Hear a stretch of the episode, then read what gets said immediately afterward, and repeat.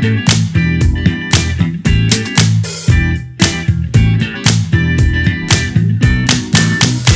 Marsal og blessu verið velkomin í ástriðina í neðri deildunum. Í dag ætlum við að beina sjónum okkur að þriðju og fjóruðu deild kalla. Magnús Einarsson heiti ég og hinga til mér komnir Magnús Valur Böðvarsson, sérfræðingur um fjóruðu deildina og Ingemar Helgi Finnsson, leikmaður Árborgar og saman ætlum við að fara yfir þessar tvær deildur og byrjum á, á þriðju deildinni. Búið að fjölga leiðum í þriðju deildinni í ár og eru 12 í stað 10 í fyrra. Og, og við unnum okkur bara upp töfluna þá þá byrjum við næstrættinu og það er lið KH kransminu félagi hlýðarandi með eitt stig eftir nýju leiki. KH verið í, sér deild undanfærin ár en þetta verið satt að vera endurlögin þeirri þrjöldin í í bílallafna með hvernig þetta er að byrja það allavega með hvernig þetta er að byrja hjá þeim. Ég, ég, ég sá um eitt leikin fyrsta leikin sem að þeir náði í þetta stig mútið augnablík og, og hérna og mér fannst þetta ekki, ekki vera neitt neitt slagir og ég og verið ekkert benda til þess að þeir verið að fara að tapa öllum leikjum og, og hérna ég held að þeir eigi aðeins meira inni inni heldur en bara að vera ekki einu sinni komin með sigur Nei. hafa, hafa svo til að tapa, tapa mjög stórt endilega í síðustu leikjum Ingemar heldur þeir geti rifið þessu upp töfluna ekki hann að koma með sigur til nýju leiki en, en er, er þetta von? Já, ég verður nú að viðkynna ég er mikil KH maður ég, sest, ég hef mætt þeim oftar en ég kæri mig um Já. svona í fjóruðildinni í gegnum tíðina Já. mér eru alltaf finnst þeir spila bara frábæna bolta og bara vera með góðan kjarna Já. og ég ætla nú ekki að fella á alveg strax þó þetta lítir nú ekkit vel út eitt stið eftir hvað nýju leiki Mm -hmm. um, þeir eiga hana Alexander Lúðvíks og hann er, hann er með 0 mörg eftir nýju leiki sem að Já, hann er búin að vera að spila í miðverðin hjá þeim sko. Já, ok, þeirra en helsti hérna- markaskóru undanfærin ár. Já, en hérna þeir, þeir náttúrulega tapa til mig sem svo í senastum fyrir bara numlega múti KF, ég held að KF skor sigumarki á 80 pluss já, mínútu já, toppli KF Já, þannig að, ég held að þeir eigi meira inni og þeir, eigi eftir að ná, ná einhvern stig. En bara næsti leikur hjá þeim er bara leikiladri ef þeir vinna áltanes að þá eru þeir komnir svona nær pakkanum. Já, en ef þeir tapa honum að þá held ég að þetta sé að verði ansið erfið setnumferð Já, sáleikur á föstudaginn þetta lið sem var í, bara blandað sem náttúrulega í toppárat í, í fyrra þannig að þetta var kannski ekki, ekki eitthvað sem átti búast við fyrir tíðabili Nei, all, alls ekki og það er eins og maður segir hérna, áltanesleikurinn er kannski svolítið líkil leikur, líkil leikur og ef þeir vinna hann þá kannski eru komnir hann í mixið um þessi, um veist, tíunda og níunda sætið. Þannig ég ætla ekki, ég ætla ekki að afskrifa alveg strax. Mm -hmm.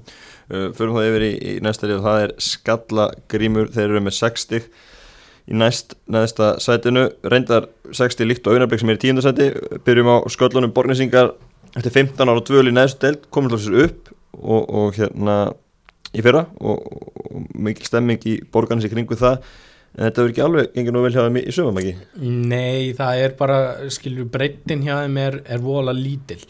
Að hérna, að þegar að þetta menn út að þá hafa kannski ekki verið koma alveg nægilega sterkir mennin en mér, mér finnst þeir ekki lélegir.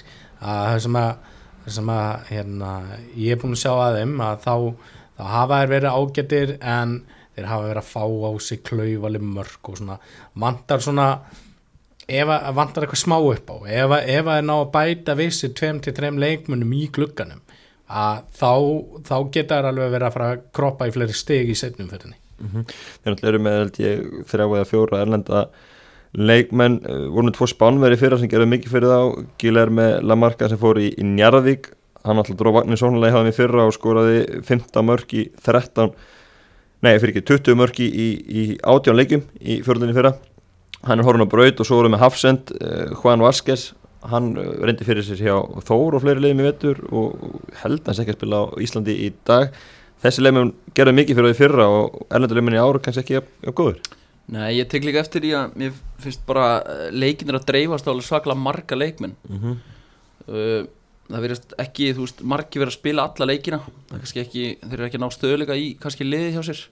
Eru til samstarfi skagamenn og, og er að fá unga stráka þaðan Mhm. og, og leika þetta sko öðrum hlokki Ía, hún, hún svona skiptir svolítið máli hvernig liðið lið, lið, þeir geta stilt upp. Mm þannig að, þannig að það, það spilar inn í og, og þetta hefur verið, verið þúndum heldur að þeir haldið sætið sinu eitt sem ég get nefnt, til dæmis með, með á að það er ég sá, sá það að spila til dæmis við augnablík og það var alveg til dæmis bara 50-50 leikur en það var bara liðið sem að nýtti sér sín færi. Þeir fóru mjög ítla með færin. Uh, spænski framherrin hjá þeim hann er ekki jafn góður að klára færin og, og Lamarca gerði fyrra. Þannig að það er alveg líkil atrið hjá þeim. En ég menna síðan unnuða til dæmis í fyrstum umferðinu sterkan sigur á einherja sem að mér finnst að vera mjög góðir. Þannig að, þannig að þeir, þeir eru alveg þeir eru að geta tapa stórt heldur það var samt ekki unnið síðan í lók mæ, Nei. 30. mæ þannig að þeir eru verið að fara að gera eitthvað og, og spurning hvort þið getur nýtt gluggan eitthvað í að styrkja sig og, og fá smá svona blóðin í hópin Já, blóð. já, náttúrulega 15 ára í næstu deild samfleitt þannig að það hlýtur að lagt mikið í það núna að halda liðun og Ég- reyna sem að náttúrulega þeir voru að spila fyrir austan móti hugin hetti og voru þrjú tvö yfir og fá tvö mörg á sig í, á senstu tíminu að en, en ég menn það sýnir samt bara ákveðna framistöðu hjá liðinu að fara austur og, og hérna, skora þrjú mörg og vera yfir meirulun leiknum. Algjörlega, algjörlega. Uh, Augnablik með 60 líkt og skallagjöfnur Augnablik vann skallagjöfnum 4-0 eini leikum sem Augnablik hefur unnið í sumar. Uh, Svolítið breyting á leikmannhónum með undanfærin ár, færri kempur sem hafa spilað í efstu deild og, og fleiri ungi strákur og breyðabliki þessi stað uh, Hvernig meldur þú sumari á Augnablikki, Ingimar? Já, mikið breytur hópur eins og það er kempur svona kannski hornarbraut uh, svona menn sem voru sem komu liðinu kannski upp úr fjóruðöldinu á sín tíma Mm -hmm. uh, þekki ég kannski ekki þessa ungu stráka og breyfleika það er spurning hvort þeir geti nýtt þessi tengsl og fengið einhverja í glugganum frá þeim til að styrkja frekar, ég þekki það ekki Að Ég get kannski nefnt, nefnt ágætlega með það vegna þess að það er búið að skipta rosalega miklu máli hvað strákar úr augnablik eru búin að vera með hverju sinni. Þegar þeir eru, með, með þrjá, þrjá sterkustu strákana sem þeir geta fengið eins og voru með gegn skallagrím það sem er unnu 4-0 eða nei, hvað, 5-1 eða 4-0, hvað? 4-0. Já. að hérna að þá, þá voru þeir hrikalega öflugir og það var einhverjum öðrum leik líka sem að þeir voru með þar og síðan voru kannski í öðrum leikjum að þá voru ekki einsterki strákar. Og þá sá maður bara gríðlega mun á liðin. Þannig að það er svona fókusin hjá breyðablík hefur verið til dæmis að vera uh, bara ef það séu stutt í næsta annarflokksleika þá er þeir ekkert að fá sterkustu strákana. Nei. þá er þeir að fá kannski stráka sem er að spila með uh, A2 liðinu sem að þeir eru með líka. Þannig að það er svona eiginlega líkil atrið bara hvað er sterk, hvað er sterk, hversu sterkir eru strákana sem eru með þeim. Já, þú náttúrulega varst uh, innstikoppur í búrið þannig lengi í Kópái, varst að stjórna vellinum í Kópái og þannig að Káar kefti á metfið í vor, Maggi uh, heldur að augnaflik fái uh, eitthvað liðstiknum í glugganum? Heldur að Eh, breiðablik ég- geðum geðum fleiri stráka? Ég held ekki sko, ég held að það er í raun og veru haldið þessu sko, en það sem að er málið er að líka þeir eru búinir með, eru búinir með erfið ferðalög, þeir náðu í stig á, á, á höfn, þeir náðu í stig á, á hérna eigilstöðum eða vopna fyrir ég man ekki hvort það var. Þeir eru að klára ferðalögin sín. Þannig að þeir eiga þessi lið eftir úti. Þar sem að sko sigranni verða þeir í raun og veru að koma í þess, þessum leikjum Já, spila hún í Færlundi og þú hættur afskiptum, hvernig lítur Færlundur út þetta þú hættir afskiptum hana? Ja, þeir eru búin að vera að spila á gerðagrassinu það er náttúrulega nýtt að Allt í toppmálum? það er bara allt í tómálum hann sko. Ok, herru, förum okkur yfir í Áltanes sem er í, nýjönda sæti með nýju stík, þreymur stígum frá fallsvæðinu Afturleitið þín þegar þú þekkir nú vel til á, á Áltanesi þínir menn mm -hmm. uh, hvernig metta með tímabili hinga til eru. Menn, menn sáttir við uppskjöruna? sko það er í raun og veru þeir- fyrir mér ættu er að vera komni með svona tólstig Já, að með við spilamennskuna er tapa niður, niður í jafntefli á móti e, hetti á 97 mínútu og svona búin að vera svona gera klaufaleg mistök. Bara er tapa fyrir kórdringin 4-2 og ekkert af þeim mörgum átt að láta sjá sig en ég er að meina að það er samt sko spilamennskan er búin að vera mörguleiti fín ef að ég, ef að ég teki utan senastu leikur móti einherja. Uh, og búin að ná í, í bara fullt af ágætispunktum og óefni töpu 1-0 fyrir vangjum Júpiters og, og gera markalist jafntölu við reynir sangjarði þar sem að bæði lið geta unnið. Þannig að, þannig að þetta er búið að vera alveg ásættanlegt en stígursöfninin mætti vera örlítið betri en þeir eiga eftir að spila núna næstu tveir leikir eru KH og augnablík já, þannig að þarna ef að þeir ætla að tryggja veru sinni al, al, algjörlega í deildinni þá þyrfti þurfa að ná stík þar sko. Já. Hvað veist þér um, um gengi álnesinga, Ingimar? uh, kemur mér svo sem ekkert óvart uh, voru þetta spáð hvað næsta seti næsta sæti þannig að uh, svo sem kemur ekkert þannig að sé óvart en eins og Maggi segir, þeir hafa vist verið að spila vel í hann og bara sé eitt leik með þeim og hafa ekki líka verið að klúra vítum Maggi? Jú, það er búið að fara fjögur víti fórgóðum, Já. sem sagt öll vítin sem þær hafa fengið á tímabilinu. Ertu þú ekki að fara að kenna þeim að, taka Ég þarf að fara að kenna þeim að taka víti. Já, og hérna það sem er náttúrulega samt búið að vanta aðeins að ef vantað markaskorara hérna fyrir nokkrum árum var þetta aldrei vandamála það var Andri Jannesson að skora öll mörg bara alltaf 15-20 mörg í deildinni. Og það hefur verið erfitt að fylla hans skarð. Uh, Kjartan Alli Kjartason út á svo sjónvasteina, hann tók fram skóna og, og spilaði í síðasta leik. Já, Er er hann komið til að vera í leikmann honum? hann er búin að vera duglegur að æfa sko. að hérna, hann kom inn á í senst leik, senst korteri og hann bara breytist í raun og veru sóknarleikurinn. En hann alltaf þreita staðan 3-0 getur líka að spila inn í. En hann kom mjög sprækur inn. Þannig að, ég, að spurning hvernig, hvernig það verður en hann, hann kom mjög vel inn og hann er vist búin að vera mjög góður á æfingum líka. Ég ætla bara að stinga hausnum út og segja að Altanis er aldrei að fara að falla í þessari deild. Ég held að þeir séu ég held að ég er líka Anton Ingi og Ragnar Olsen vinni mínir úr Árborg þeir eru ekki að fara að falla með þetta að- en ég var fyrir miklu vonbröðum þegar ég sá Guðlaugur Orri Stefánsson er ekki að spila. Uh, nei, hann bara á- ákvað að taka ekki slæðin ég veit ekki alveg hvað hva var með hann, hann er, En ekki komið eitthvað samstára á milli Altanis og stjörnunar? jú, það er búið að, að að vera, vera ákveðni strákar sem að hafa verið að koma og það eru nokkri sem hafa komið bara virkilega, virkilega vel út Mhm. þannig að, og það er frábært það styrkir liðið gríðala þannig að, þannig að sterkustu strákanir eru að fara í KFG í a- annarri deildinni Mhm. og, en það er búin að koma mjög flotti strákarinn í að spila með áltanis. Förum okkur þá yfir á landsbyðina og það er höttur hugin, nýtt saminalið sem að situr í áttundasæti með nýju stíg líkt og Altanes og þetta eru vonbriði fyrir, fyrir austan. Ég persónulega bjóst alltaf við að þeir eru óvæn þetta í, í deildinni.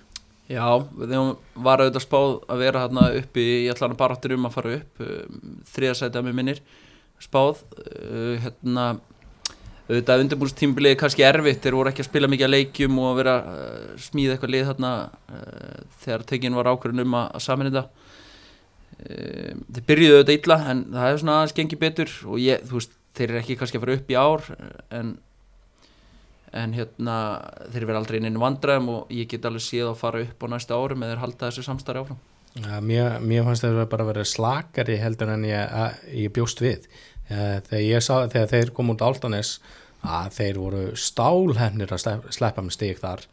Og einmitt klúraði áltanis vítaspinni í þeim leik í stöðunni 1-0 og, og þeir bara skoruðu með seinust snertingu leiksins jöfnu, jöfnu og er svona með við að þeir að leggja í þetta eru með íkomnum í Ívan Búbaló í framlínuna sem ánátt að vera þannig sé svindlkall í þessar deil Já, fyrir fram er þið fram. Já, að það, það í raun og veru er ég fyrir vonbröðum fyrir hann að hugin hött ég bjóstu að það verið sterkari Já.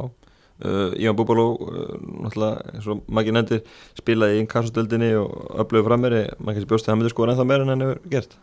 Já, hvað er hann komið? 7-8? hann er komið með sjömark Já, en maður bjóst kannski við að hann væri bara í, í tveggjastöðtölu nú þegar, með, með væntingar. ég hefði haldið að hann væri svona svipar og Tókits og Selfoss í annar deildinni Já. ætti bara að skora nánast í hverju leik og, og jafnvel tvö veist, stundum Já, já. þannig að e, það var engin freki að byggja um hann um að skora 20 mörk í þessari deild Nei, sjömark í nýju leikjum. Er hann, fínt, hann, hann spila, spilaði ekki einu sinni leikinn mókundi áltanis sko. Nei, Þannig að en þannig að sjö mörk í átta leikjum með sjö leikjum að það er náttúrulega bara það er frábært rekord. En þeir eru ekki ná að skila sigrum.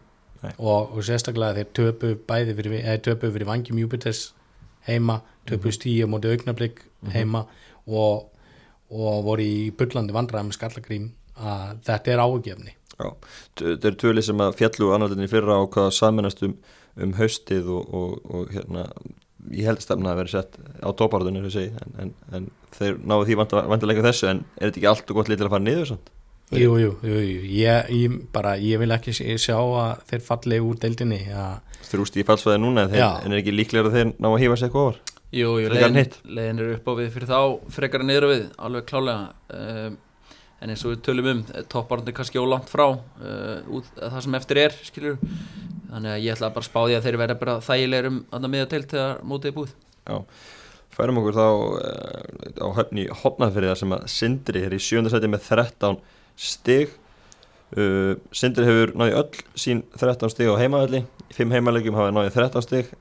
Gengið verri ferðarlögunum fjóru, tableikir um, en þetta er ágætis lið sem að hopfinningar eru með í ár Já, þeir eru með, eru með fínt lið og í, þetta er í raun og veru kemur manni eiginlega ekkert óvart að öll stíðin skulle vera koma á heimaðalli og þetta er bara líkillin af því sem að, að uh, landsbyðaleg þarf að gera að þeir þurfa að taka stíðin á heimaðalli og, og hérna þannig að þeir voru í ströggli í fyrra og þeir hafa lært greinilega af því að bara hei við verðum að ef við ætlum að halda okkur í deildinu að minnstakosti að þá verðum við að vinna heimalegin okkar og það er, það er ekkert grína að koma hana og það er stemning alltaf á, á leikjum hjá þeim þannig að það er bara, ég held að þeir verði bara í, á góðu róli Já, uh, Ingu Ingólfsson, ungur þjálfari með lið og þeir hafa búið það að þeir eru með, með innanús aðstöðu á vetuna til að geta eft og Mhm. hópurinn getur svona haldist nokkuð vel saman og undirbúið sér fyrir, fyrir tímabilið þannig að,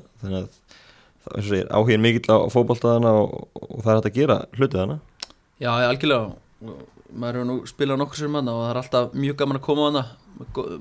Bara margir áhverjandi mæta og læti í þeim og þetta er erfið völlur að spila á. Já, og það sést auðvitað bara á rekordunni þeim, fjóri sigrar og eitt játölu í fimm leikjum. Mhm. en úti vallar árangurinn er hræðilegur, þeir tapa öllum og, og einu ekki skora tvö mörg Já. og fengi á sig tíu. Já, en þeir vera bara fínir rólegir halda heimavöllinu svona. Ég, ég held ég að fara hana þrísu sinnum þegar ég, í gamlu þriðudeldinni og ég held ég að tapa um öllum á, á, á höfn.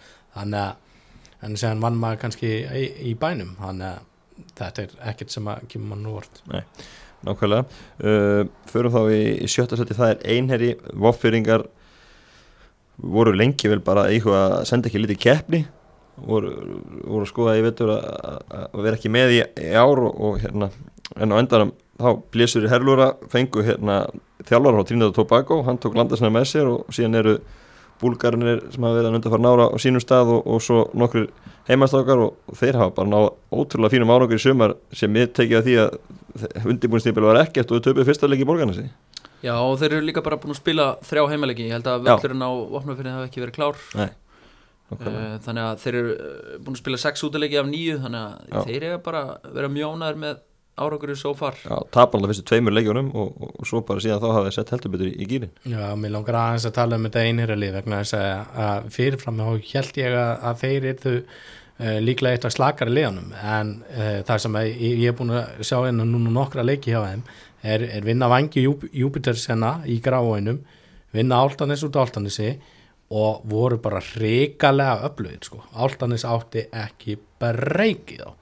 Og sem takaði stiga mútið kórdrengjum, vinna KVF hana á, á heimavelli. Þannig að þetta er bara, þeir eru með mjög flott lið. Og, og hérna búlgararnir sem eru þannig þeir eru bara búa hana, eru að vinna hjá HB Granda og, og allavega tveir þeir eru bara að tala fína íslensku. Þannig að bara flott virkilega flott og, og ég einar ég er bara lið sem að ég ber, ég ber virðingu fyrir að þeir ná alltaf að senda lið til keppni og ég vil hafa sem flest landsbyðarlið í keppni Já, get, í deildinni. ég get ekki undir þetta, ég var í, í flugjum daginn og horfði þá heimildamind um vopnafjörð og þá komum við með Tóto Hristof í sögu. Þeirra helsti markaskóri það var mjög áhvert og hérna hann alltaf hefur verið að ræði mörgum hann undanfærin ár það er komið sex í deildinni núna. Já, og, og hefur, hefur dreigið vagnan og þessi býrðana og, og þeir eru þannig þrýr búlgarnir, þrýr frá Trinidad og Tobago og svo náttúrulega eru uh, legendin frá Vopnafjörði, Vílundur Páll Einarsson uh, reynsluboltin í vörninni, Sigurður Dónis Já, sem við þekkjum og, og svo Heiðar og, Bjartur Aðabjörnsinnir Þetta eru stakar sem hafa spilað hann í mörg ár og, mæta alltaf til leiks og hérna, ég er sammálað því Maggi að hérna, ber að virða þetta hjá, einherji að, ná að senda lið til leiks. Ekki ég stort bæjarfélag en það er mikil, mikil fótbolta stemmingana Ég hitti einmitt Víglundu í Vestmannum á, á pæjumótinu og var að spjalla með hann þar og hann sagði já ég ætlaði nú ekki að vera með með hérna en, en segja meittist að neitt og, og þá var bara að kalla í mig og hann er bara frábær í eða frábær uh, varnamaður og, og styrkir liði gríðala hann, og bara frábært það sem að bæði hann Siggi, hann Tónis, Sigur Tónis og, og Villi er búin að gera fyrir fótboltan hann á Vapnafri og náttúrulega auðljóst að, að þeir munu halda sæti sinni, bara búin að mista þér á heimæleikjum segir og þeir eftir að setja stíðum þar áfram. Þannig að þeir verði í fínum málum. Já, þeir þurfa bara kannski að gera svona eins og Sindri verið að gera á höfn að gera vopnafjörða kannski svona bara algjöru víi og ef þeir gera það þá þurfa þeir ekki að hafa neinar ágjur eins og, eins og Maggi segir, þeir eru með mjög flott lið á pappir og, og ég hef nú ekki séð að spila en þetta bara lukkar hrikalega vel. Ja, svo eru líka tríndarnir eru, eru góðir, markmaður þeir eru mjög gó, góður, hann vann hennar leik til með sem við vangi Júpiter sko. þannig að það er bara, ég hef engar ágjur af þeim. Nei. Uh, færum okkur upp í fymta sæti það er reynir, reynir Sandgerði kom upp unnu fjóruðaldinni í fyrra og eru mættir aftur í, í þá þriðju með 15 stig, 5 stigum frá öðru sætinu. Sandgerðingar uh, styrti svo vel fyrir tíembil og eru með, með mörg nöfn sem að hafa reynslaði að spila í efri deildum en meðsli hafa verið að leika á frika grátt. Ja. það hafa mist, mist menn út. Luka Jakarsits sem kom frá Njarðvík til að mittist eftir tíembil og er ekki með í sumar. Sigurbergur Elísson og Keflæk hefur verið mikið mittur og, og fleiri til. Sangeringar eru um hörkulið og þeir gætu nú narta í, í toppártun ef, ef þeir komast að smá rönni það ekki? Jú, algjörlega, mjög flottur hópur og mikið að góða leikmunum og eins og segir, hræðilegt að missa Lúka að miðunni, hann spilaði nú á Selfossi og hef ég sé alveg talsvörsta leikjum frá honum, það er bara virkilega flottur leikmaður. Og að hafa Sigurberg Eilisson í þriðudelt væri guld síkildi, þannig að vonandi getur hann spilað sem flesta leiki fyrir þá að meðslinn er búin að leika á mjög grátt og það sem að mér finnst eiginlega eins samt mest engjandi við reynir sangirliði að mér finnst þeir vera af öllum liðunum sem ég er búin að sjá þá finnst mér þeir vera í slakasta forminu okay. að tempóð í leikjónum þeir er líka að þeim sem ég er búin að vera að sjá er ekki búið að vera nægilega gott og, og hérna en samt eru þeir með svo mikla gæða leikmenn að þeir eru að sanga inn stígunum unnu bara einna fyrstu sex leikjunum en, en síðan, í síðustu, síðustu hvað fjórum hafa þeir unnið þrjá. Já, ég, er búin að að sjá, sjá tvo leiki og þeir eru báðir búin að fara 0-0 Já, Þannig að og bara báðir leikinir frekar leiðilegir og bara markmiðið þeirra varna er, er greinilega að vera þjættir tilbaka að fá ekki marka á sig, þeir eru góður í því og, og síðan eru þeir með gæða leikmenn fram á við. Þannig að og ég bjóst við þegar maður sá leikmannahópin að þeir ætti að vera með næst sterkasta lið í deildinni. En síðan eru þeir búin að tapa stigum hér og þar. Og sérstaklega hann í byrjun. Og bara vonandi þeirra vegna eru, eru leikmann að koma tilbaka á meðslum mm þeir eiga náttúrulega núna fram að Vestlumhelgi eiga þrjúastu liðin í deildinni öll á heimaðalli. KF, KF og, og Kórdoringi þannig að það geti gæti aðeins uh, breytt myndin eða ná að uh, gera góða hluti þar. Algjörlega og það er kannski punktur sem ég ætlaði að mynda að koma með reyni að þeir hafa tapað náttúrulega leikjunum á móti KVF og vangjunum hinga til. Og ef þeir ætla að gera eitthvað allega að fara upp um deild þá verða þeir hreinlega að gera sér í brók og vinna liðin sem þeir eru að bæra stuðum að fara upp um deild. Þannig að þessi þrjí leikir eru gífulega mikilvægir. Mjög mikilvægir Þá förum við í fjórðarsætti, fljúum í grafina sem að vangir Júpiter sem er stjórn Tryggva Gummissonar, eru með átján stig, sex sigra, ekkert jættefli og þrjú töp. Vanginni hafa nú verið í toppartunni oftar en eins og í þessari deild og, og þeir unnu gríðarlega mikilvæg sigur á, KF fyrir síðstælki. Fóru norður og unnu þrjútöð með sigumarki sent í viðbóðu tíma og sá leikur, hann hleyfti þeim svona almennilega inn í toppartuna. Já, já, ég, ég bjós það sem hefur kom, kom mér og óvart til dæmis, það var í byrjun að þá unnu er hýn hött úti. Og ég er bara, vá, það er virkilega stert og síðan að fara núna á Ólasjörð að keppa við KF og taka sér þrjú stygg þar, það er stert Mm að hérna, og hann að þeir eru búin að fara allavega í þessi tvö ferðalög og taka þrjú, þrjú, sex punta þar. Já, það er bara virkilega stert og, og hérna, þeir eru með flott lið, þeir eru með flotta, flotta leikmenn en síðan eins og þeir mæ, mættu einherja það er bara, þeir mættu bara vegg.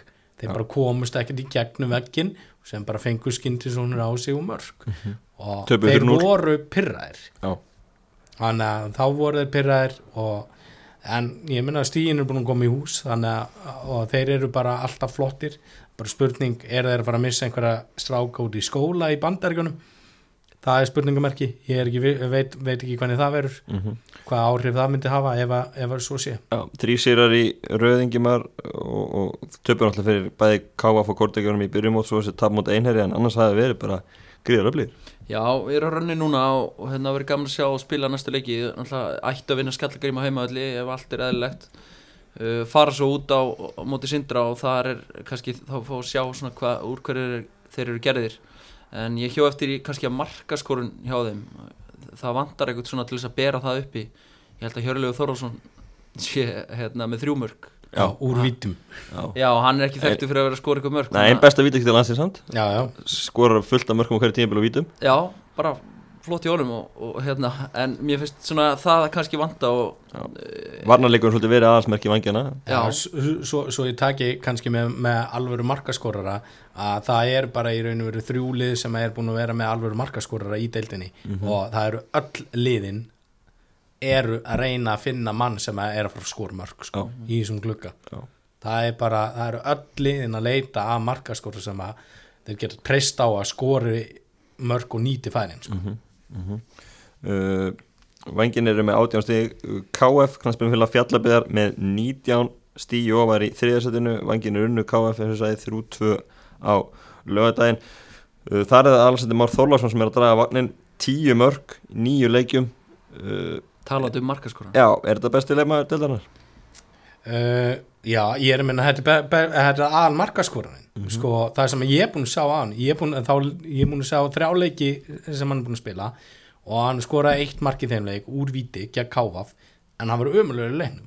Og séðan spilaði hann móti áltanissi í eitt eitt jafntöfli ég man ekki eftir honum í þeim leik.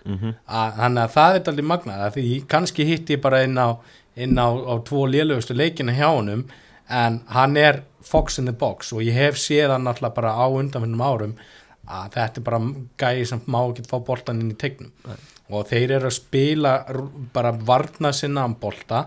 Skipilaður undir stjórn Míló virkilega skipulæðir og svo eru þeir með Jordan Damachua mm þetta er Frakka, ógæðslega flottu leikmaður. Þetta er mjög góðu leikmaður. Getur spilað bæðið á miðjun og í vörninni. Já og síðan er þeir bara með virkilega sterka miðverði sem að þeir eru að loka, þeir eru bara þeir eru að spila þétta vörn og eins og mútið kórdrengjum að mér skilst það á þeim leik ég sá hann ekki að það hafi verið bara einstefna og sem bara skyndi svo mark og bara náða að halda. Já. þannig að þeir eru að spila spila þétt og ef þú ætlar að vinna þetta lið að þá mátt ekki vera að lenda undir á móti gríðarlega öflug sigurinn út í sigurinn á móti kórtækjunum en, en heimaðurinn er alltaf þeirra helsta við það er fyrir utan að leika móti vangjunum þá vinna þær allt heima.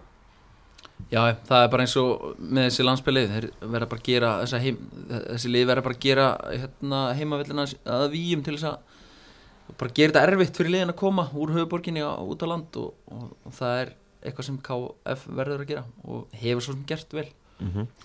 uh, Kórtækjur í öðru setinu kom upp á fjóruðildinni og heldur betur með látum hann var að sett svip sína á deildina uh, skemmtileg umgjur á heimalegjum góð mæting, eru með hvað matavagna og eru að gera þetta skemmtilega mikið þú er nú Já. mætt okkur svona möllin eða ekki? Já, já, þeir, þeir eru búin að vera að fá matavagna og senda einhver trúð og eitthvað svona til að skemmta fyrir börnin og bara ja, ógæðslega flott og þeir, me, þeir eiga virkilega mikið hróskilið fyrir að leggja mikið upp úr umgerðinni og sen er þeir búin að vera að spila skemmtilega, það er eins og það sem að mér finnst í, í leikjunum, leikjunum hjá þeim að eins og liðin sem búin að vera ógæðslega hrætt við þau að það að bara bakka öll lið á móti þeim. Og síðan hérna hann mætti Altanes og allt í hennu byrjuðu þeir að pressa þá og komist yfir 1-0 eftir korter. Og ef það hefði ekki verið fyrir einhver varnamistök sem að kostuðu mörg vegna þess að þeir refsa þeir refsu fyrir mistök bara þeir eru með það mikla gæða leikmenn þeir refsu fyrir mistök Já. en hins vegar lendur í vandræðum undir pressu og það, það, það voru þeir í vandræðum voru ekki að upp nógu góða sóknir og, og mér veist eins og ég vil sá fleiri lið prófa, prófa þessa nálgun á móti mm. Og og hérna að því að hann síðan er náttúrulega skilju einherri sem er mjög drillaðir bara 0-0 solid Já. skilju og KF vinnur. Mhm. 2-0 í bænum. Að hérna ef þú sért með það nógu gott lið til þess að geta lagst á móti þeim reynir sangjar gera þetta líka gera jafntöfli og hérna ef þú sért með nógu gott lið til þess að gera þetta allt í lagi.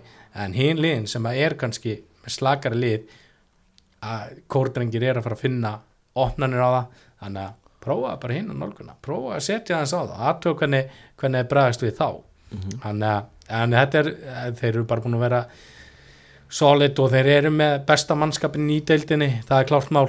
Uh, þeir er, er að bæta þeir voru Davíð Þór Áspísson núna. Þeir eru er að leita framherja og munu örgla að finna einhvern.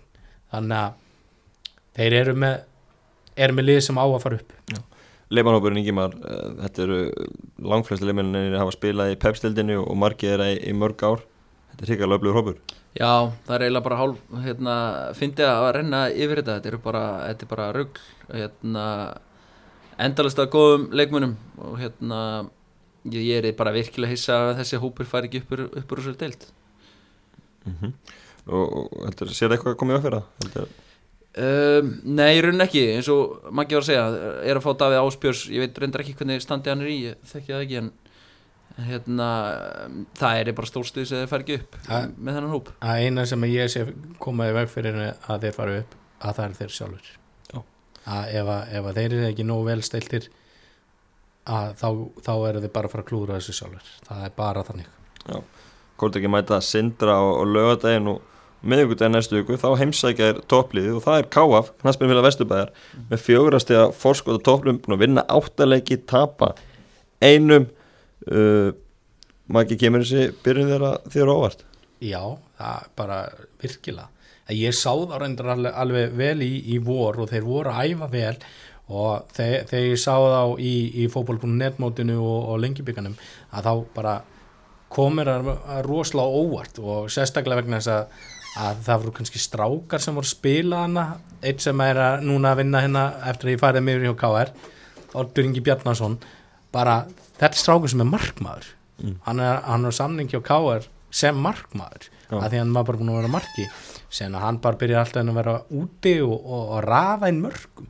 Hann er reyndar er reynd- er reyndar búin að vera meittur á undarfinnu og spurning hvort hann verði með hann er ekki búin að vera með í senstu tveim með þreim leikjum hjá KF og en þeir eru bara með ógæslega flott lið en þeim hefur vantaði svona alvöru markaskora ég held að Garðaringi sé markaðistur með einhver fimm mörg allt úr auka spinnumörgla Já, að hérna en þeir eru bara með ógæslega vel spilandi lið og skemmtilegt lið. Hvað vilt þú bæta við þetta Ingimar? Bara ég er svo mikill fan af K KVF, ég hérna, var nú bara á KR breyflíku vikunni og, og 15 ára ammali á einmitt, Já, bara þeir eru að gera þetta bara eins og Káar myndi gera á góða ammali þeir eru að henda út treflum og treyjum og Já. bara þvílt börs í kringum þetta ég fór á Breilbygg núna í vikunni og, og þar voru þeir eh, leikmenn bara allstaðar í öllum störfum Jón Kári að hérna dæla bjór og auðun á grillinu og eitthvað svona garðar í hurðinni sko. Já, mér finnst það bara svo geðvitt og þetta minnir mig smá á Árborg svona menn ganga bara í störfin. Og, og það er bara geðvett og ég vona einilega að er haldið þessu áfram en, en ef ég man rétt þá og byrjuðu vel í fyrra og, og svo hérna dróða hans af þeim um mitt, mitt mót. Mhm þannig að ég hérna, það verður gaman að sjá hvernig þeir ná að halda, hvort þeir ná að halda dampi. Ég held að þessi bara mikilvægast að skilju Sigurvinn er, er, bara klár þjálfari og er að gera virkilega góða hluti með liðið og, og það, eitt sem að ég hef tekið eftir að þeir voru stundum að mæta bara á æfingu bara klukkan hálf, hálf, hálf sjö um morgunin mhm, og séðan tóku þeir bara morgumat saman þar sem að þeir elduðu. Já, Hanna, og þetta var eitthvað sem að ég bjóst ekki við að, að sjá af liði í þriðutild og ég held að þetta sé alveg stór líkill af árangri að, að því að var erfitt að fá tíma á gerðagræsinu yfir, yfir vetratíman að þá mætti þið bara klukkan hálf sjö. Mhm. Já, þetta er bara svona, þetta er bara stemmingin einhvern veginn drýpur af þessu liði. Þú veist, auðun hættur að spila, Jón hættur að spila en Þeir þeir eru samt í öll, allt í öllu þeir, hérna- eru, þeir eru að sinna miklu, miklu starfi í kringum en kynnslóðskipt í gangi þannig að, þannig að yngri leimið fá að spila. Algjörlega. Þetta er bara ótrúlega flott og ég bara vona að þeir fara upp eiginlega. Já, það voru lengi í annar deldinni og fórum þessu upp í, í fyrst deld í, eitt ár. Mm þannig að fjallu fyrir tveimur árum en, en er að koma sterkir tilbaka. Uh, Nú er þetta ykkur í spádómssætið uh, KF stjórn Sigur Sólássonar, Kórdreikir undir stjórn Davís Mára og Andra Steins uh, KF undir stjórn Míló eða Vangir Júbitus undir stjórn Tryggur Guðmundssonar hvaða tölu fara upp? Ef þetta reynir þetta líka með Ha- Halla Guðmunds í stjórnulinn er þetta, þetta er fimm eftir liðin Hva- hvaða tölu þetta er sendt upp? Ég, ég ætla að senda KF og Kortlengi Já, KF, sagði það? Já. Já, ég er eiginlega samanlega, ég er hérna, kórdrengir eiga að fara upp og ég heldur geri það, þeir bæti í sennilega í glugganum mm og bara gera held ég allt til þess að fara upp og það verður bara gaman að sjá hvað það gera um, og vinið mínir í KF, ég, ég hérna, get ekki sagt hana en þeir fara upp. Ég, Mér veist þetta bara einfallega tvö sterkustu liðin deildinni. Já, stórleikur á miðugudagina sem þessi lið mætast. Já, Hvernig verður það? Í Vesturbænum? Já þetta verður, þetta verður ég, ég ætla allavega að mæta þannig leik það er nokkuð ljóst. En, en hérna ég bara ég þóra ekki að spá um það skilju, að hérna, ég veit ekki hvernig, hvernig Káfa ætlar að nálgast þennan leik vegna þess að það er þeir eru bara búin að vera að spila þannig fótbolta að maður veit ekki alveg hverju að búast við að þeim og hvernig kórdrengir munum koma inn í leikin þannig að mér finnst þú rosalega erfitt að spá í þennan leik. Þetta er örgulega eins og eini leikunum sem er bara ég veit ekki neitt. Kannski er þetta bara stórmæstar í hjartöfli, maður veit það ekki. Ég ætla að setja X á þetta en að KF hefur ekki tapað hana eh, á KF Park og ég held þeir gerir það ekkit eh, á miðvikudaginn 10. júli þannig að ég ætla að setja X á þannig að leika. ég hef búin að lofa, lofa því að ég ætla að bleita völlum hér á gerðugrassi ef að verður ekki að rigning. Það er gott eða góða að. Endum að hérna fyrirlur umræðan á því að eh, henda tömulegu niður. Það þarf að gera það líka. Hva, Hvað er lið falla? Ká á skallagrimur KH Skallagrimur Ingimar Sammála? Ég sagði einu upp að ég ætla ekki að dæma KH strax alveg niður en ja, því úr að setja mig svona á spottið þá hendi ég KH niður og ég held ég þurfi því miður að henda skallagrim líka mögulega augnablík en, en ég held skallagrimur. mm -hmm. Hendum okkur yfir í fjórðu deildina Byrjum á aðriðlinu uh, Björnin og Grafói uh, Sjö leikir, sjö sigrar 21 stig 8 stig að fórskot á toppnum Ingimar, hún er með árbókarna í þessum, þessum riðli? Er Björnin langstækast í riðlinum?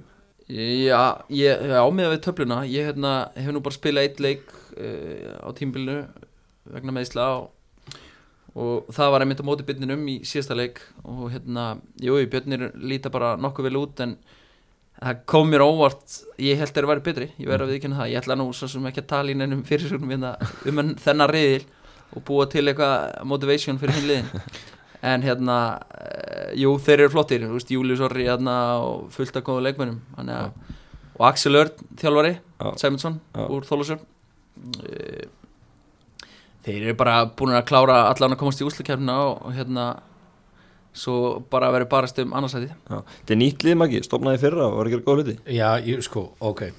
Eh, ef við byrjum aðeins á byrjunum. Að ég ætla að vera sammála yngimarina ég held þeir verið betri Já, og það er alltaf astanlegt að segja um, um lið sem er með fullt úr stiga já, að mann man, man finnst þetta ekki vera það, það sterkir. Já, það sem hann er hafa er það að Axel er ógæslega skipulaðir og þeir eru duglegir að fylgja skipulaði já, og þeir eru, þeir eru að vísu þeir eru með góða fótboltmenn mhm, en þeir eru ekki að ekki að nýðurlæði lið. Nei. Og, og þú, ert, þú ert ekki að sjá þetta. Mér, mér finnst þetta nefnilega þessi riðil vera, vera, vera slagur mér steildin í heilt vera slök í ár. Og, og hérna síðan er þetta bara búin að vera þannig að hín liðin er bara að reyta okkur öðru og björn er að vinna alla. Þannig að og þeir eru bara sigla í raun og veru það er eins og þeir svip á kórdrengir gerða á, á, á fyrsta tímbilinu eða öðru tímbilinu að þeir unnu mikið að leikjum en vor, voru ekki að gera neitt aukalega. Já, og hérna þeir eru með gæð, gæða leikmenn og, og en mér fannst þeir hafa möguleika á að vera sterkari. Að yfirburðinu eru ekki búin að vera það miklir. Okkur uh, Björnin er með 21 stig, Ímir og Árborg með 13, SR 11 Þegar að hlýfa þér við þessa spurningu Ingimar en, en Maggi, hvaða liðeldur þú að fylgi byrninum ef við gefum okkur það að þeir, þeir klára það sem ættir að, gera. Mm. hvaða liðeldur að fylgi þeim í úrslækinni Sko, mér finnst þetta smá, smá erfis, erfis spurning. Uh, ég, leikmannilega sé þegar við skoða leikmannalistana að það ætti í mér að fylgja þeim. Mm.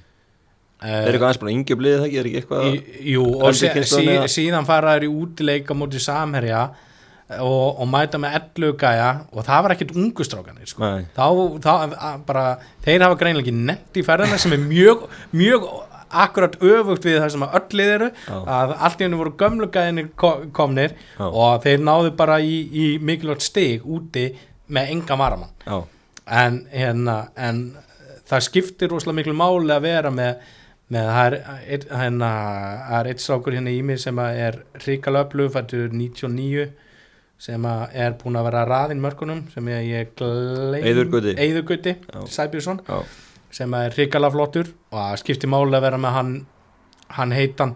Út að eftir að Samuel Arnar Kjartansson hætti það þá, þá hefum við vantað svona smá markaskorara og kynsla á skiptinu eru svona ganga hægt og rólega gegn.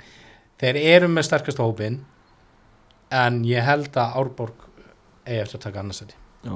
SR geta þeir blandað sér í þetta Uh, ég, já, þeir geta það alveg en mér finnst eins og að það vantir svona smá upp á hópin að vera st aðeins sterkari Mhm. og þeir eru, ekki að, þeir eru oftast ekki að vinna þessi lið Nei.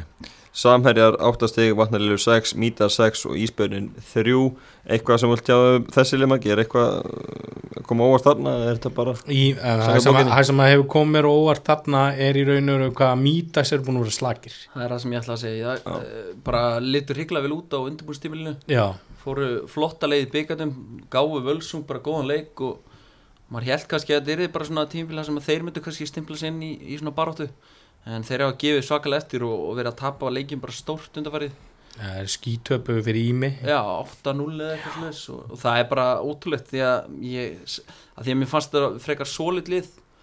Svona bara vel drillað eða svoleiðis og hérna ég svona einhvern veginn átti ekki vonað að þeir myndu fara, við myndum fara að sjá eitthvað svona úslit hjá þessu lið og það kemur virkilega óvart að sjá þá bara með 60 eftir sjöleiki Já, bara þeir hafa alltaf verið með svona lið sem að gefa öllum leik og eru bara ógæsla fastir og sen eru þeir bara búin að vera lélegir, virkilega lélegir. Og vanta einhverja baráttu það er eins og sé einhvað minni stemningana að það er helsta sem ég er búin að sjá af þessu sko.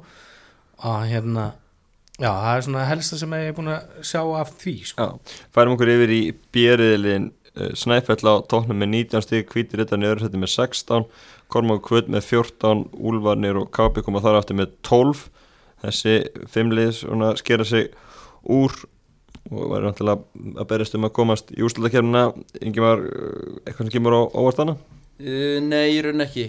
Uh, Afrika allan á sínum stað þannig að það kemur ekkert á óvart. Uh, Ég held að þetta fari svona. Ég held að Snæfell vinni reyðlinn og, og ég held að Hvíti fylgi þeim.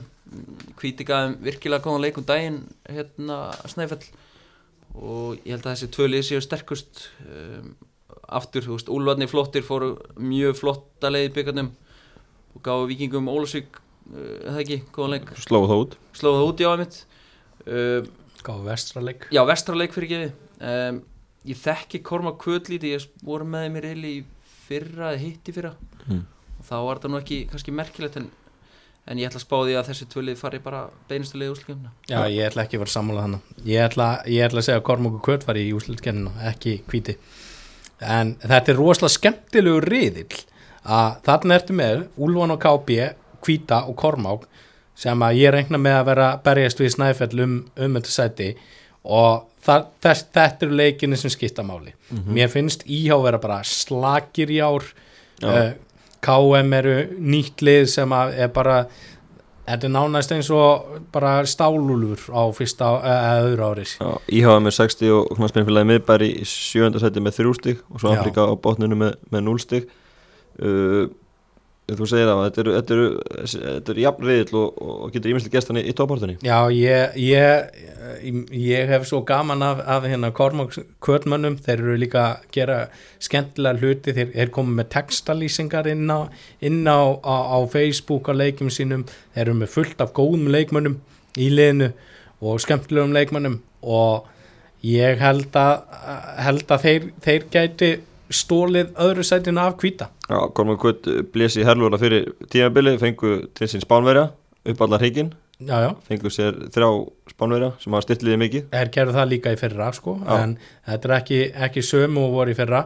En hérna, já ég, ég, þetta er eiginlega sá, sá riðil sem sem að ég er mest spenntar að fylgjast með setni hluta mótsins. Já, Bjarki Mér Arnarsson að þjálfa Kvöt, gamla Já. keppan og er sín í vörninni sjálfur. Hann er náttúrulega bara ríkalega mikil reynslu bolti og, og skiptir öllu máli að að hafa svona gæja sem að hefur gert þetta allt hundra sem áður Yngvi Raffn, Köruboltumar líka, frábæleikmar kröftugur og flottur þannig að þeir geta alveg eh, hérna farið í úslikefna en ég ætla að spá að hviti klára þetta, já, ég er, ég er ósamlega við munum þetta. Já, Snæfell á toppnum í þessum riðli með 19 stiga 21 mögulegu gerði jættefli Kormur Kvöt annars hefur unni alla sína leiki og þetta er uh, lið sem er heldur skipað erlendu leikmennum mm -hmm. uh, nánast í hverju einasta leikar með byrjunlið bara erlendi leikmenn Mhm. þannig að það hefur verið að leggja mikið í þetta í stíkjum þeir hafa sótt marga, marga leikmenn Já, það var sótt líka bara góða leikmenn inn á milli var ekki Mikolas sem fór Krasnovskis já, Jú. hva- hann, fór, hann er núna að spila með Sindra, eða Já. ekki það var virkilega, ég mætti honum, það var fárulega góður og Marius Kanáskas frammerinn sem er bara óþólandi leikmaður að spila á móti. Uh, skora nánast í hverju leik þannig séð. Ég, þeir, uh, þeir eru greinlega með einhverja góða sorsa út í litáin til að mynda. Ja, þeir, vilja, þeir vilja bara koma að liðinu aðeins ofar og kannski alltaf að hvað sem að vanta náttúrulega bara á, á snæfilsnesinu er í raun og veru smá fótbolta menning þetta hefur náttúrulega bara verið körfubolta bær og ég veit ekki hvernig er, er mætingin á leiki hjá þeim, er eitthvað spennandi að, að mæta á leiki samt? Þar sem að allir leikmenn, eða meiri hlutin að leik, le, leikmennum liðsins eru, eru erlendir og, og nánast engir heimstrákar. Er, er það rétt að leiðinu samt til að byggja upp stemningu innan bæfélagsins? Það ekki ekki mætinguna hjá menn, ég veit að stúkan, hún er, hún er gömul og góð í Já. Stígholmi. Þú veist að þannig á, marga áratíði og, og ekki oft verið þétt setin en ég bara þekki ekki hvernig það er akkurat núna. Uh, Ef fyrir mig yfir í sérriðilinn þar er GG á topnum með 22 stig Hamar í öðru seti með 18 Berserkir í þriðja með 13 Álafors með 10 í fjóraða Léttir með 9 Stokkseri með 9 Hörður Ísafirði með 7 og Fenrir með 3 uh, eitthvað sem kemur óvart þarna, Ingimar? Uh, Nei, í rauninni ekki. Hérna ég svo sem vissi ekkert um þetta fennrislið uh, fyrir móti nýtt lið. Nýtt liðu þetta en vissi bara ekki hvernig það væri mannaðir. Um, Stokes er í mínu menn eh, svona, ég þekki nú nokkra þar Alla Matt og bróður minn spila líka þarna og Söðurlands einu von Já, já, vissulega. Og hérna, eh, hann spila þegar nennir, segir hann. Hérna, hann til dæmis fór ekki með á Ísafjörður unnu þar núna 0-1 um helgina. Já. og hérna virkilega nei, stert það er mjög stert, það er mjög stert voru ekki með fyrir stofsendingar Nei. Nei, Nei, og kom aftur. voru, voru bara sótt um að vera með á bara lokadeginum, Já. bara ákveðu bara smala í lið og Ok. þeir geta verið bara stoltir að vera með nýjum stig ég meina, eftir átta leiki það Já. er örgulega bara betur en þeir heldu og Rúna Birgisson þjálfari það er hérna ótrúlega skemmtilegu karakter sem að hérna býr til stemmingu og, og hérna eh, einhvern veginn næra ná mönnum í verkefni sko Mhm. Já, ég, fa ég fagna því að liðin svo Stokkseri og Hörur Ísafiri skuli vera með Já. að ég er mjög, mjög hrifin af því og þau, þetta er, að þetta er lið sem eru með bæjarfélag á baka sig og þau eru að ná í, ná í stig Mhm. og hann reynda, Hörður, ég held að öll síðu stigin er þessi komin að heimaðli Já. og sem tapaði hann á móti Stokkseri sem var bara virkilega sterk á Stokkseringun Fenrisliðið er, er svona strákar sem voru upprunulega í upprunulega kórdrengjaliðinu og eru bara ekki nógu góðir til að að hérna, vera í kórdrengjaliðinu núna Mhm. og fengu einhverja vinni sinna með sér og þeir eru ágættir þeir, hafa, þeir stóðu í hamar hefðu alveg getað ná í stig þar en það sem að, að er, í- er í raun og veru ekkert að koma í, á óvart í þessum reyðli GG er með sterkasta lið Hamar er með næst sterkasta lið og, og það er að kannski helst að, mér sperserkir aðeins lakar en er, hafa verið á undanförnum árum. Samanlega og síðan eins og Álafoss sem að vinnur Hamar í gær þeir eru að æfa. Þeir eru að æfa vel og það er ástæðan fyrir að þeir eru komin með 10 stig.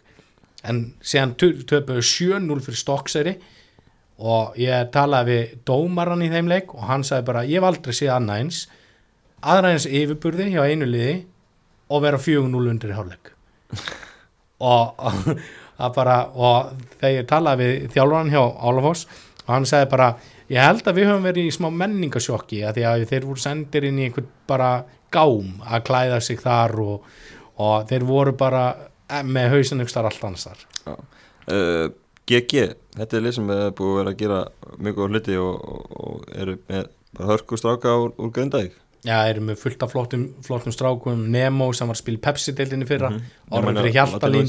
og, og uh, Boris Júkovic og, og, og virkilega flottir, flottir strákar. Ívan Júkovic og Jónunnar Jónunnar og Sigurður Hallgríms er hann ekki, da, ekki Sigurður Hallgríms, Davíð Hallgríms sem að er að skora skora svona gremt fyrir þá. Sigurður. Sigurður Þór Hallgríms, Já. já, kom með fimm mörg Já. Og bara ég, ég fór til með sá Hamar og, og á móti GG og það var þetta er, þetta er sá fótballleikur í fjórðinu sem ég er búin að fara á þar sem að var svona hæsta tempó það var virkilega gott veður það voru 200-300 manns á vellinum virkilega flott umgjörð því að Hamarsmönnum. Er voru með veitingasölu og pulsur og, og, og læti og, vel og, mætt þar líka oft. Já, virkilega vel mætt og bara virkilega skemmtilegu leikur. Já, þú þekkir náttúrulega vel til á Suðurlandinu, Ingimar Hamar, það er oft stemming á gríluvelli og, og það er kannski fleiri ungi strákar í, í stærri hlutur þar heldur en, heldur en áður. Unnu náttúrulega fyrstu sexleikin í sumar og, hafa verið að gera þetta vel. Já, bara nokkuð flott. Við hérna, æfðum alltaf á eftir í Hammarsöllinni í vetur.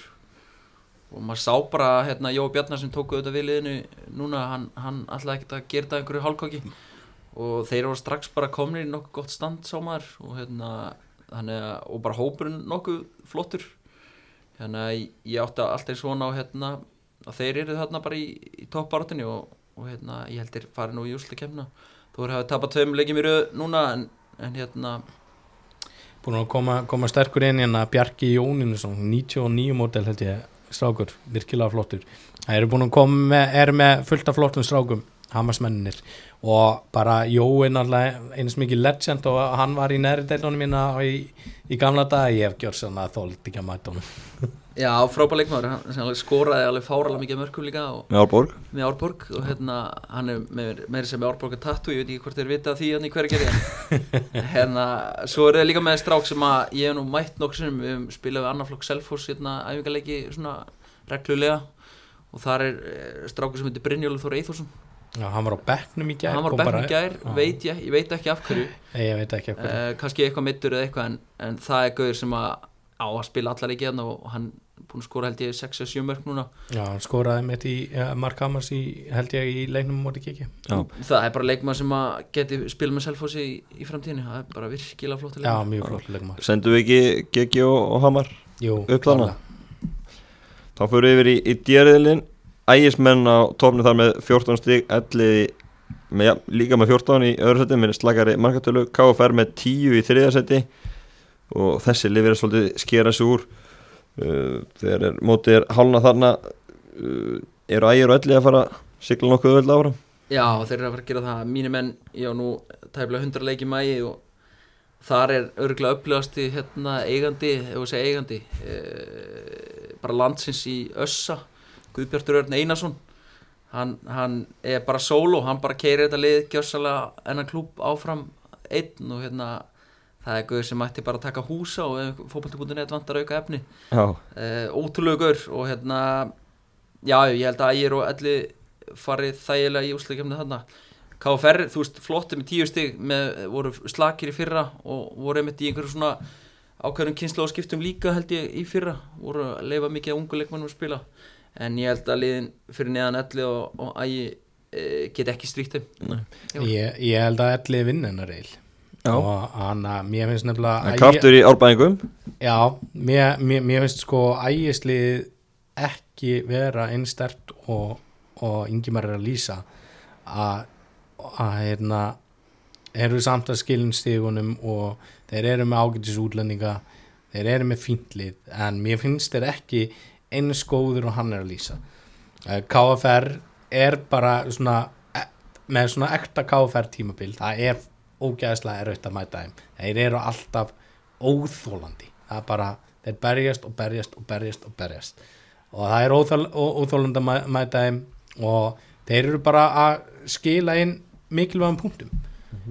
Og síðan samband með K.A. það er lið sem að ég bjóst meira af Já, með ásvelli sem er í fjórðarsætti með ég- Sjöstigum frá öðru sættinu ég, ég tók gríðalan sér svo spáði með öðru seti í rilinum sem er náttúrulega fáránlegt fyrir lið sem er á fyrsta ári. Já, uh, það er bara út af hvernig litu út í vor að þeir voru duglegir að æfa búi var að stjórna þeim núna tekjum við haugunum og þeir voru bara ekki að vinna leiki fyrstu leik, í fyrstu leikunum og ég bjóst í raun og veru við meira að þeim en það er náttúrulega bara að koma í ljós það fyrsta árið er alltaf erfitt þar.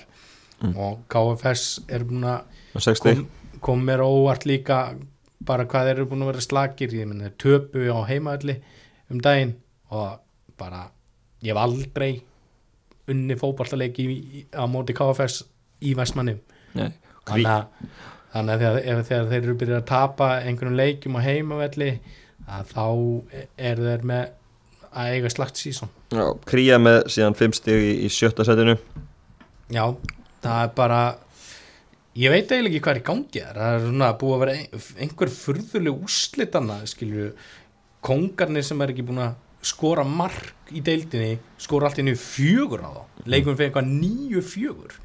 Bara þetta er eitthvað mjög skrítið og sem er mjög skrítið vegna þess að þeir voru, haf, voru alveg víst með 30 manns að æfa hjá liðinu og fullt af góðum strákum og svona lið sem að ætti í raun og veru að þetta var lið sem að vera að vinna vann kórdringi fyrra að hann, hann að maður bjóst kannski við meira af þeim en þeir hafa verið að sína núna Já, nokkulega. Uh, Kongarnir síðan reyka lestina eru með mínus 59 markatölu eftir 6 leiki, uh, fjögumök skoruð allt í sama leiknum.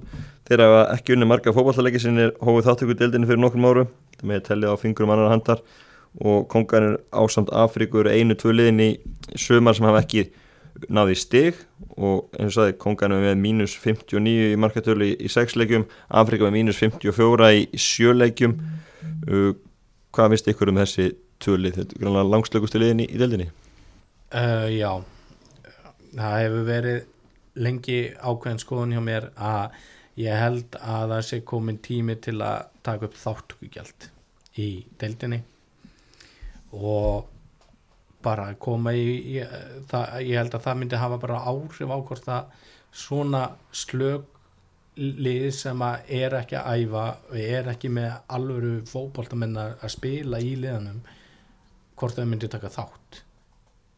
Þetta er bara mér, mér finnst bara mér, mér finnst leiðilegt þegar að lið er að skrási til keppni og eru að tapa 10-0 öllum leikjum Kongarnir töpu fyrir ægi 17-0 já, töpu 17-0 Já, það eru bara tölur sem eiga ekki að sjást, þú veist, eh, hérna, í sama hvað deild það er, í sama hvað, en hérna, þetta eru leiðlustu leiki sem ég spila. Já. Að spila á móti kongunum og vinna á 10-0 eða 11-0 eða 9-0 eða hvað það er. Eh, Þetta er bara, þetta er einhvern veginn, ég veit ekki hvað, hvernig ég á að útskýra, þetta er bara, eh, það þarf eitthvað að gera, ég veit ekki hvað það er, en eh, þetta er búið að vera bara svona í mörg ár og ég veit ekki hver er að stjórna þessu batteri eða með svoleiðis. Ég skil ekki, akkur er, er ekki bara í einhverju gulddeldi á leikni eða hvernig það er. Einhverju sumadeld Getur ekki verið gaman að mæta í hverja viku og tapa með, með nála tveggjastæða tölu? Það er hundleðilegt það er bara, ég, ég hef tekið ég hef reynda að tekið tímabil þar sem við vorum að þar sem ég tapaði flestum leikjum með, með að meðaltali sjömarkamun Mm. en, og það er hundleðilegt og það er, og mun missa mannskap líka að því að fólk nennir ekkert að vera í þessu. Og þannig að það eru bara einhverju nokkri gæjar sem er að ströggla í að halda þessu gangandi og það er mikið leikmann að velta og þú ert að nota kannski 40-50 gæja. Þetta er hundleðilegt og bara að menn vilji bara eiga það á rekordinu. Já ég er að spila hérna með einhverju liði skilju og já við töpum allum leikjum hérna, já við, nei, við erum ekki að æfa neinu vitu þannig sko.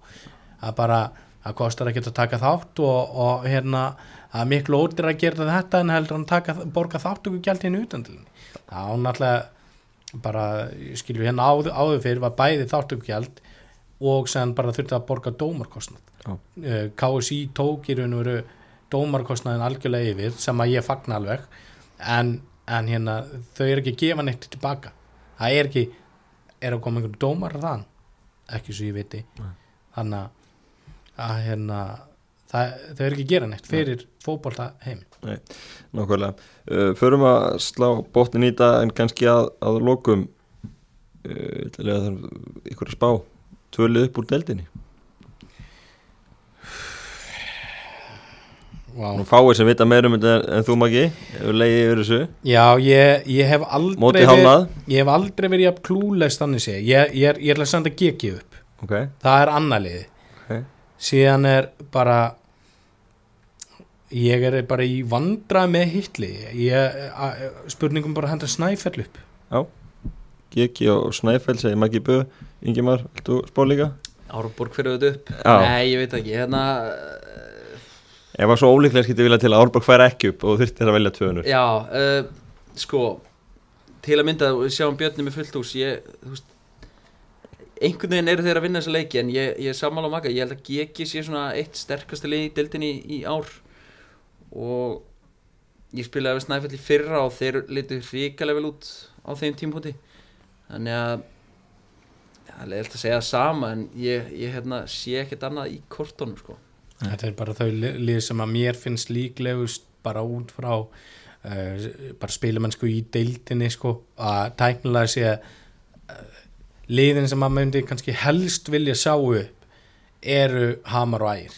Þetta er bara bæði bæjarfélög sem að, að bæði lið sem eru með bæjarfélög bakvið sig eru búin að vera í deildunum fyrir ofan og, Geta byggt og, og geta byggt, byggt aldrei vona á þetta En ég Þannig að- held að deildin líka í ár sé kannski þannig að, að hérna, sem er kannski ekki oft, það er, það er mjög erfitt að sjá ykkur bara 100% kandidati að fara upp. Já, það er bara undanfenn ár hef ég nánast alltaf getað sagt já, ok, þetta er fjögur sterkust liðin og ég held að þessi tvö faru Já. og þá all, hefur eiginlega alltaf verið þannig að þessi fjögur voru sterkust fóru í undanúslit og tvö þeirra fóru upp þannig að en núna er, finnst mér vera miklu erfið að segja hvernig það er. Uh, það sem ég er búin að sjá finnst mér Snæfell og GG vera sterkust. En síðan alltaf þegar er komið í úsleitkemna hvað gerist þá, glukkin er opið núna í mánuð. Hva, hvað er liðin að fara að styrkja sig?